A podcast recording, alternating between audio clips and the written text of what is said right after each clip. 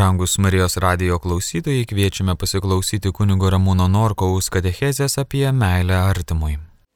Padavė užeigos šeimininkui ir tarė, slaugyk jį, o jeigu išleisi ką viršaus, sugrįžęs aš tau atsilyginsiu.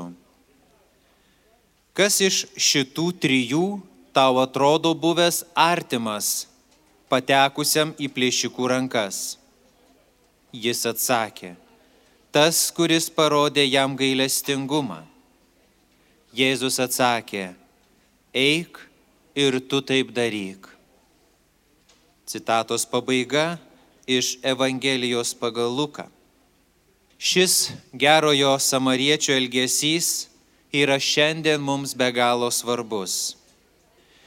Prisiminkime tą epizodą, kuriame sutinkame plėšikų sumuštą pakeleivį. Kunigai tais laikais tarnystę atlikdavo šventykloje dvi savaitės ir po tokių dviejų savaičių tarnystės, grįždamas iš Jeruzalės šventovės į savo namus, kunigas pamatęs krauju paplūdusi žmogų bijo prie jo prisiliesti, nes tuo metu kultūroje buvo priimta, jog kraujas sutepa. Kraujas yra mirties simbolis. Lygiai taip pat pasielgia ir Levitas. Šių laikų kalboje galėtumėm sakyti Zakristijonas. Tie, kurie kartu būdavo su kunigais, jiems patarnaudavo liturgijos metu ir dažnai iš tokių žmonių kildavo kunigų. Taip kaip dabar šiais laikais iš patarnautojų kyla seminaristai ir jie būna šventinami kunigais. Jie elgesi taip, kaip tų laikų kunigai. Bijo susitepti ir į namus nori jie grįžti švarus. Tačiau čia pasirodo svetim šalis, kuris nežino to svietovės prietarų ir jis pasilenkia prie sergančio žmogaus. Tai Kristus, tai Kristaus figūra. Samarietis, sako evangelistas Lukas, užtikęs jį pasigailėjo, jis priejo prie jo, užpylė ant žaizdų aliejaus ir vyno, aptvarstė jas, paskui užkėlė ant savo gyvulio, nugabeno į užėgą ir slaugė jį. Ta diena jis išsijėmė du denarus, padavė užėgo šeimininkui ir tarė, slaugyk jį. O jeigu išleisi ką viršaus sugrįžęs, aš tau atsilyginsiu.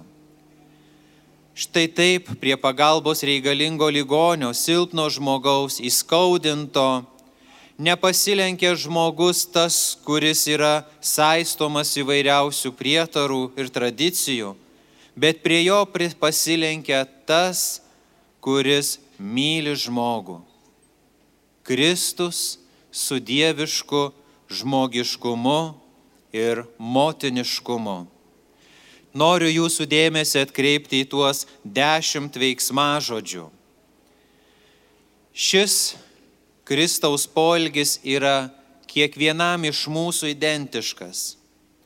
Jis serganti visų pirma pamato, po to sergančio pagailį, lygiai kaip ir mūsų kiekvienų esančių lygos patale. Jis prieina prie mūsų, užpila liejaus, aptvarsto žaizdas, užkelia ant asilo, nugabena į namus, kur priema ir slaugo serganti, sumoka slaugančiajam ir sugrįžti pažada. Štai šie dešimt veiksmažodžių yra mūsųse labai aktualūs. Jėzus papasakoja šį palyginimą ir fariziejui sako, eik ir tu taip daryk. Popiežius Pranciškus aplankęs ligoninę, kurioje į gyvenimą kimbasi priklausomybių turintys pasakė, Manau, kad šioje ligoninėje palyginimas apie samarietį tampa tikrovę. Čia nėra abejingumo, bet dėmesingumas. Čia nėra nesirūpinimo, bet meilė. Tai išgirsta kiekviena Lietuvos ligoninė šiuo šventojo tėvo žodžius. Ir mergelė Marija te globoja visus dvasinę ar kūninę sveikatą besirūpinančius. Tikėjimas Dievu, kuris yra meilė, negali uždaryti mūsų širdžių. Priešingai, jas turi atverti. Ir tikėjimas turi išsilieti darbais, slaugant sergančius kūnų ir sielą.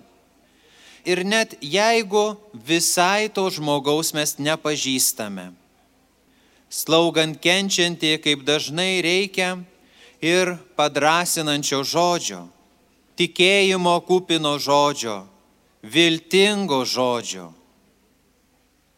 Negana tik apkabinti, sakė popiežius Pranciškus. Ištieskime ranką patekusiam į sunkumus, puolusiems į priklausomybės tamsą ir sakykime, tu gali atsikelti gali iškopti laukan. Taip, tai sunku, bet įmanoma, jeigu tu nori. Popiežiaus citatos pabaiga. Kristus tikrai to nori, broli ir sesė. Ir ne tik nori, jis trokšte trokšta, kad mes, skubėdami prie mergelės Marijos, palaikytumėm vienas kitą sunkumuose ir padėtumėm atsikelti, palydėtumėm vienas kitą sveikimo kelyje. Kančiaus jau per daug.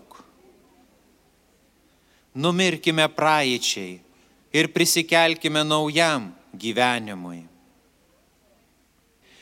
Jei to neišgirstume, tai tikinti žmogus iš bažnyčios gali išeiti ne angelu, bet velniu.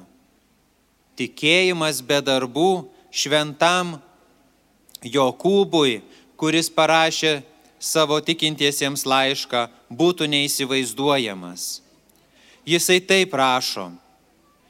Kas iš to, mano broliai sesės, jeigu kas sakosi turys tikėjimą, bet neturi tikėjimo darbų? Ar gali jį išgelbėti tikėjimas? jei brolis ar sesuo neturi drabužių ir stokoja kasdienio maisto, ir kas nors iš jūsų jiems tartų, keliaukite sveiki, sušilkite, pasisotinkite ir neduotų, ko reikia kūnui, kas iš tokių žodžių? Taip pat ir tikėjimas, jei neturi darbų, jis savyje miręs. Priešingai kitas pasakys, Tu turi tikėjimą, o aš turiu darbus. Parodyk be darbų savo tikėjimą, o aš tau darbais parodysiu savo tikėjimą. Tu tiki, jog yra vienas Dievas? Gerai darai. Bet ir demonai tiki ir dreba. Ar nori žinoti, neištmintinga žmogau, kad tikėjimas be darbų nevaisingas? Argi nedarbais buvo nuteisintas mūsų tėvas Abraomas, aukodamas savo sūnų Izaoką ant aukuro? Matai, tikėjimas veikė kartu su jo darbais. Ir darbai tikėjimą padarė tobulą.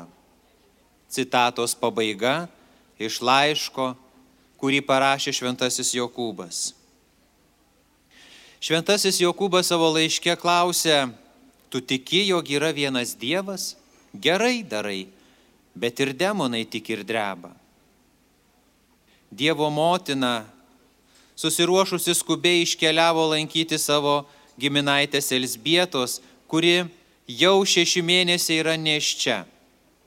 Pasilieka pas ją iki gimdys kūdikį. Ji ir yra toji rūpestingoji siela, kurią atpažįstame slaugančiuose ligonius jais besirūpinančiuose ir juos gydančiuose.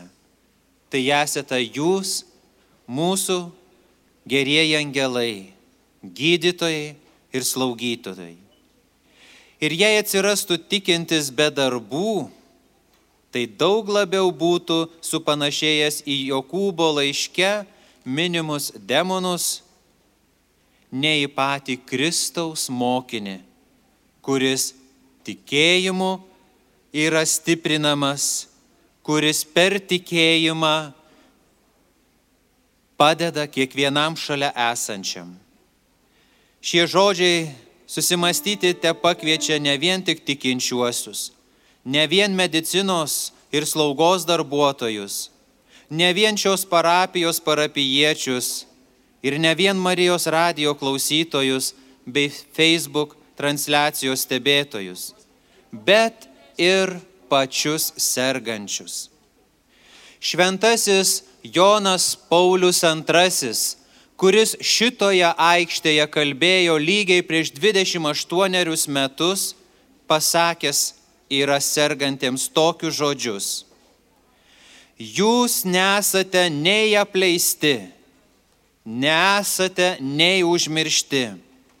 Jūs esate Kristaus pakviesti.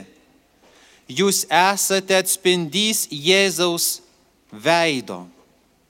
Jūs savo maldas jungdami su kančia esate nepalyginamai stiprus, kai melžiatės už bažnyčią už jaunimą, už išventasias mišes besirenkančius, nes jūs kentėdami, mirdami ir prisikeldami esate glaudžiai susisėję su Jėzumi Kristumi. Tokius žodžius pasakė Jonas Paulius II, kurio balsas tebe aidi ir šioje mūsų aikštėje. Žmogų gydo ne kančios vengimas, ne bėgimas nuo jos, bet gebėjimas kančią priimti bei per ją bręsti vienijanti su Kristumi, kuris yra su begalinė meile kentėjęs ir atrasti tame prasme. Savo enciklikoje Spesalvi rašė mūsų popiežius Benediktas XVI broliai sesės, čia susirinkę į Šiluvą, mes esame išskirtiniai piligrimai, išskirtiniai. Čia mes atvykome todėl, kad Šiluvoje apsireiškus mergelė Marija nėra išsigalvojimas. Nėra kažkokios tuščios tradicijos perdavimas iš kartos į kartą. Tai yra begalinės meilės, kuris sus, ištryško iš Jėzaus širdies įrodymas. 1608 metais viešpats Dievas pažvelgia į mūsų Europą. Ir toje Europoje išsirenka savo mieliausią vietą ir įsivaizduojate ką? Būtent Šiluvą.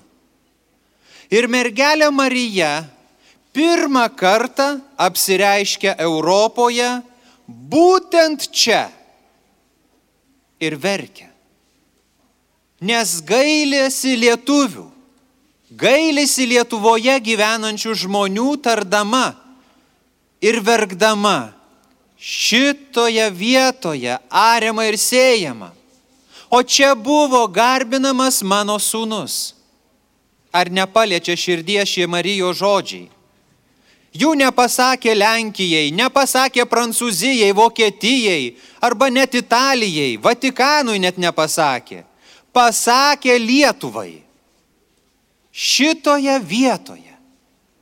Ir ačiū Dievui, kad lietuvių tauta išgirdo mergelės Marijos žodžius, atsiliepė jos ašaras. Ir štai keletą faktų, kurie liudyja, kaip viešpats Dievas myli Lietuvą. 1934 metais, va tokią gražią dieną kaip šiandien, beveik daugiau negu šimtas tūkstančių žmonių susirenka į pirmąjį nacionalinį tautinį Eucharistijos kongresą Kaune. Jie susirenka į dabartinę laisvės alėjos aikštę, didžiulė minė užlipa į Žaliakalnio kalną, ten pašventina Kristaus prisikėlimo bažnyčios kertinį akmenį, grįžta atgal į laisvės alėją ir prie soburo durų išstato švenčiausiai sakramentą, tai yra patį Jėzų Kristų adoracijai.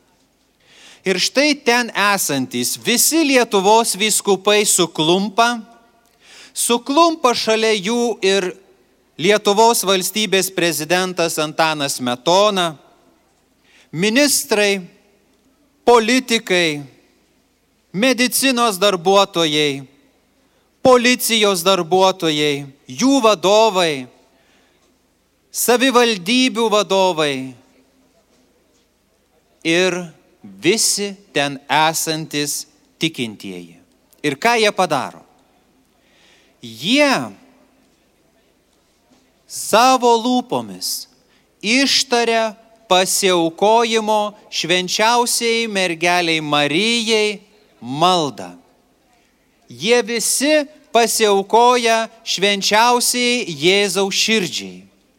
Prie švenčiausiojo sakramento suklupę jie paukoja visą Lietuvą Jėzaus širdžiai. Atrodos paprastas įvykis. Ir mes atrodo prie švenčiausiojo sakramento pasiaukojame švenčiausiai širdžiai. Bet žiūrėkite, kas nutiko kada šitokia minė su savo vadovais ir valstybės atstovais ir dvasiniais vadovais viskupais pasiaukoja švenčiausiai Jėzaus širdžiai, būtent tais metais Jėzus kalbasi su šventaja vienuolė Faustina Vilniuje. Jėzus prabyla mūsų krašto žmonėms Ir jis paprašo, kad Dievo gailestingumo paveikslas būtų nutapytas. Nutapo šį Dievo gailestingumo paveikslą ir būtent tais metais, kada pasiaukojo švenčiausiai Jėzaus širdžiai, Jėzus sako, noriu, kad šitas paveikslas būtų išstatytas aušros vartų koplyčioje.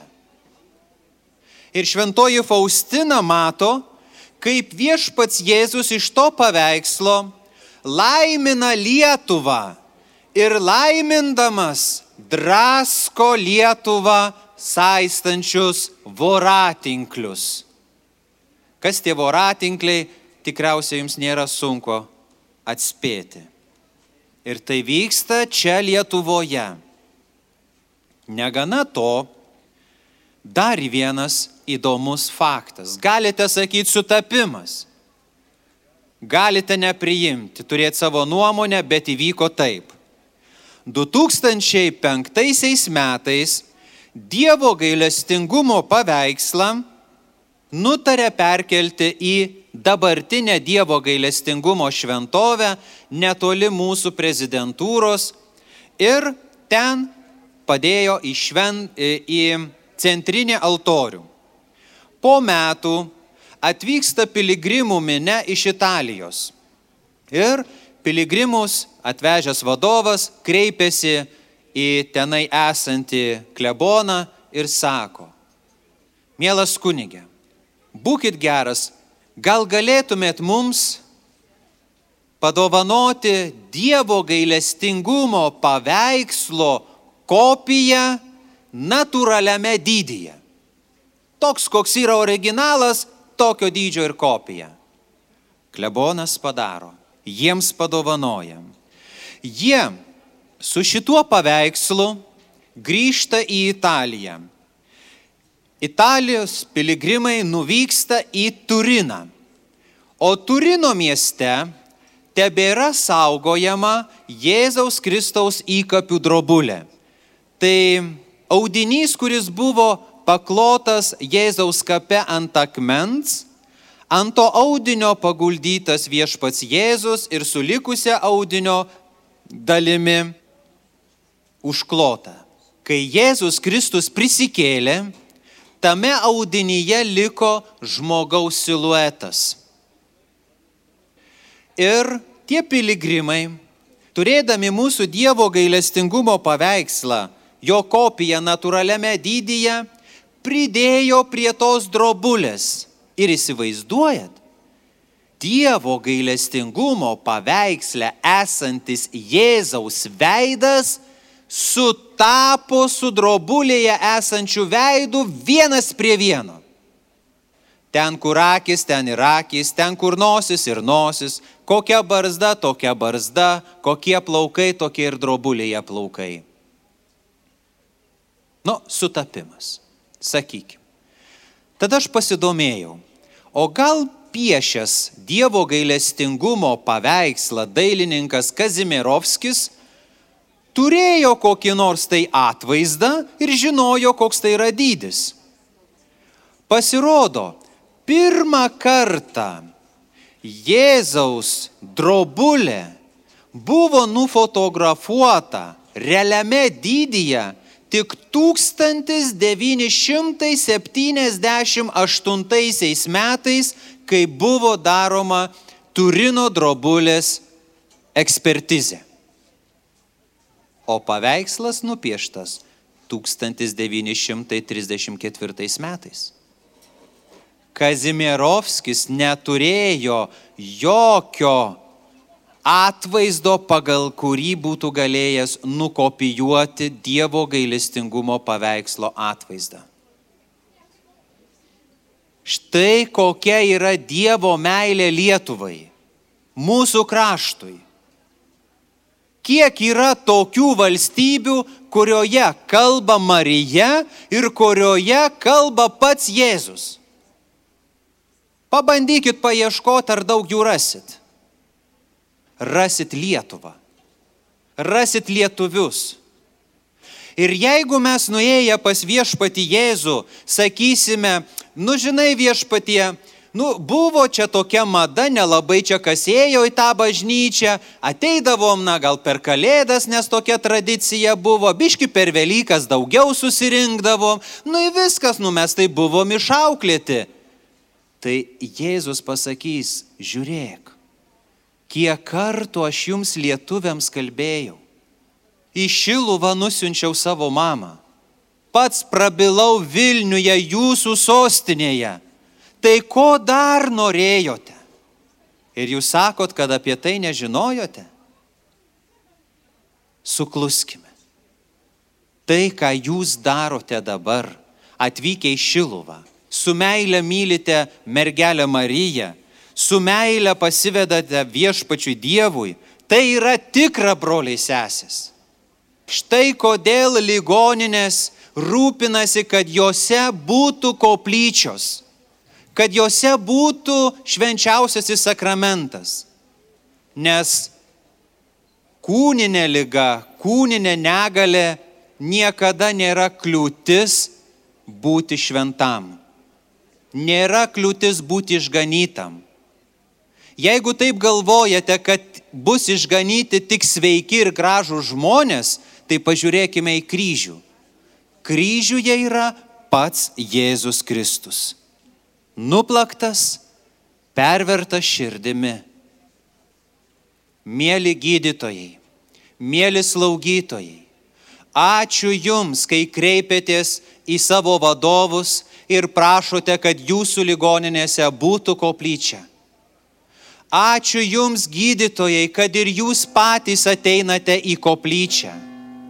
Pasimelst, pastiprinti savo jėgas paprašyti viešpati Dievą palaimos jūsų darbe, kai jūs artinatės prie operuojamo žmogaus, prie pikto žmogaus, nusivylusio žmogaus. Būkite tą meilės jūrą ir išsiliekite į Lietuvos ligoninės. Mylėkite. O kai jūs paklaus, kodėl tu taip darai ir iš kur tu tokias jėgos turi, atsakykite, aš buvau bažnyčioje. Aš buvau prie šventos išpažinties ir priemiau šventą komuniją. Arba sakykit, aš buvau šiluvos atlaidose. Nieko daugiau nereikės aiškinti, kiekvienas supras, kodėl tu esi toks geras, toks kantrus su savo pacientais. Ir jūs, ligoniai, kreipkitės į mergelę Mariją, ligonių sveikatos karalienę. Prašykite sveikatos ne tiek gal kiek kūninės, bet prašykite dvasinės sveikatos. Tai yra svarbiausia. Tai yra mums išganinga. Amen. Šioje laidoje klausimės kunigo Ramūno Norkaus katechezės apie meilę artimui. Likite su Marijos radiju.